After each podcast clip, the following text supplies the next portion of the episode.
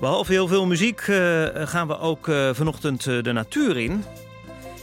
En dat doen we met Laura Stijnk. Die is al de hele ochtend op pad in de vrije buitenlucht. En volgens mij is hij nu in de steile tuin. Heb ik dat correct, Laurens? Dat was de planning wel, Oh. maar ja, zoals dat vaak gaat met rondleidingen. Het duurt uh, vaak net wat langer. Op de ene plek blijf je dan nog even staan en dan nog weer op de andere plek. Ja. En voor je het weet hebben we een rondleiding door uh, Park Sonsbeek. Maar we heel Sonsbeek zelf nog niet gehad. En zitten we nog steeds in Park Siependaal. Maar dat geeft me aan hoe geweldig mooi het hier is. Um, um, behalve heel veel bomen die we bespreken, zometeen meer daarover. Zagen we bijvoorbeeld uh, de grote gele kwikstaart. Die zat op de vensterbank van huis Siependaal. Ook de mandarijn eend, een uh, exoot, niet te verwarren met de Peking eend die we kennen van de Chinees. Maar dat is best een bijzondere eendensoort ook.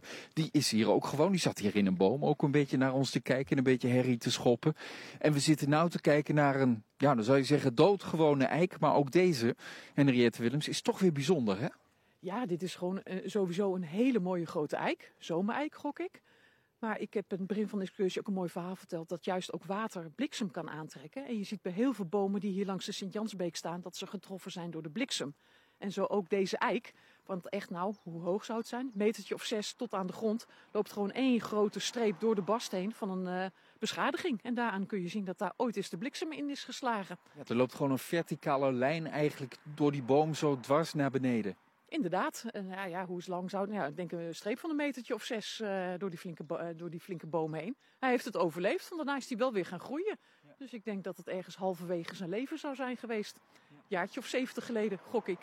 En dan staan we aan de voet van de Jansbeek. Het is echt maar een heel smal beekje. Verderop in Park Sonsbeek is het eigenlijk niet meer dan een sloot. Maar toch zo'n klein beekje, dat trekt dus blijkbaar de bliksem aan. Want er zijn meer van dit soort bomen hier langs de route. Dat klopt. Uh, nou ja, er wordt gezegd dat hier een leilijn ligt in het landschap. Uh, nou ja, uh, ik kan niet wiggelroede lopen, maar... Wat is een leilijn? Een soort energiebaan in de aarde, waaraan mythische krachten worden... Oeh, dat klinkt spannend. Ja, nee, dat klinkt heel spannend. Ik woon hier in de buurt, merk je dat dan ook aan mij? Uh, nee, ja, ik woon hier zelf ook in de buurt. Dus ik dan weet... hebben we het alle twee, denk ik. Precies. Dat is een gave.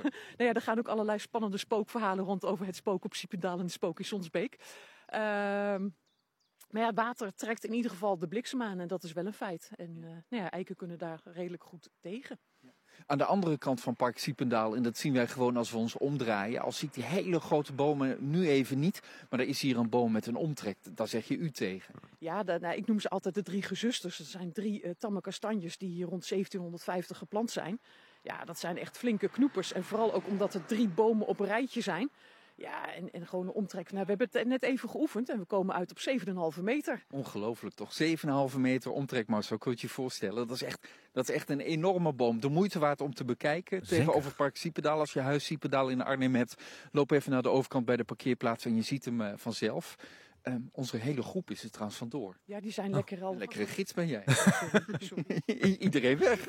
Iedereen verloren. Ik, ik heb nog één quizvraag, maar die is leuk voor Marcel. Maar die kun jij dan beantwoorden, want jij gaf hem net eigenlijk Oh, weg. Marcel, Ja. een quizvraag voor je. Als je nou een boomhut bouwt in een, in een boom, hè, op Ja. drie meter hoogte. Mhm. Dat zie je wel voor je, toch? Ja? Tien jaar later, hoeveel denk je dan dat die boomhut omhoog is gegaan?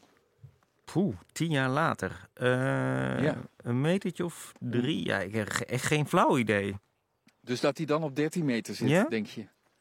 Nou, nou, ik, ik ga het vragen aan de, aan de expert van Oh. IVN. Oh, het antwoord is er nog niet. 13 meter? Ja? Oeh, dan groeit zo'n boom 1 meter per jaar. Ja, het zou op zich kunnen. Oh. Maar ja, de boom groeit niet vol onderaf, die groeit in zijn twijgjes. Oh. En als de, de boomhut op de stam gebouwd is, ja, die stam wordt alleen maar breder. Met ongeveer 1 centimeter per jaar. Dus ja, je boomhut zit nog steeds op diezelfde hoogte. ja. gebouwd hebt. Mm. Precies, Marcel, logisch toch? Natuurlijk, die stam die groeit niet van onderaf. Nee, dat is waar. Nee, het is aan de bovenkant dat er steeds een beetje bij komt. Dus die blijft gewoon op de 10 meter zitten. Dat is toch een leuk als je vandaag nog een feestje hebt of zo. Dan kun je dat nog even in de groep gooien. Kijken hoeveel mensen ook, eh, ook de mist in gaan. Zeker. Hey, wij lopen nog even een stukje verder. Zijn nu bij eh, Huis Siependaal. Ik zie eh, de klok dat het kwart over tien, kwart over elf, kwart over tien eh, is geweest. Ik moet even goed kijken. De zon staat er net op. Het is een mooie dag en wij lopen nog even lekker verder. En gaan uiteindelijk zeker ook uitkomen in Park Sonsbeek. Oké, tot over een uurtje dan. Eh, veel plezier daar.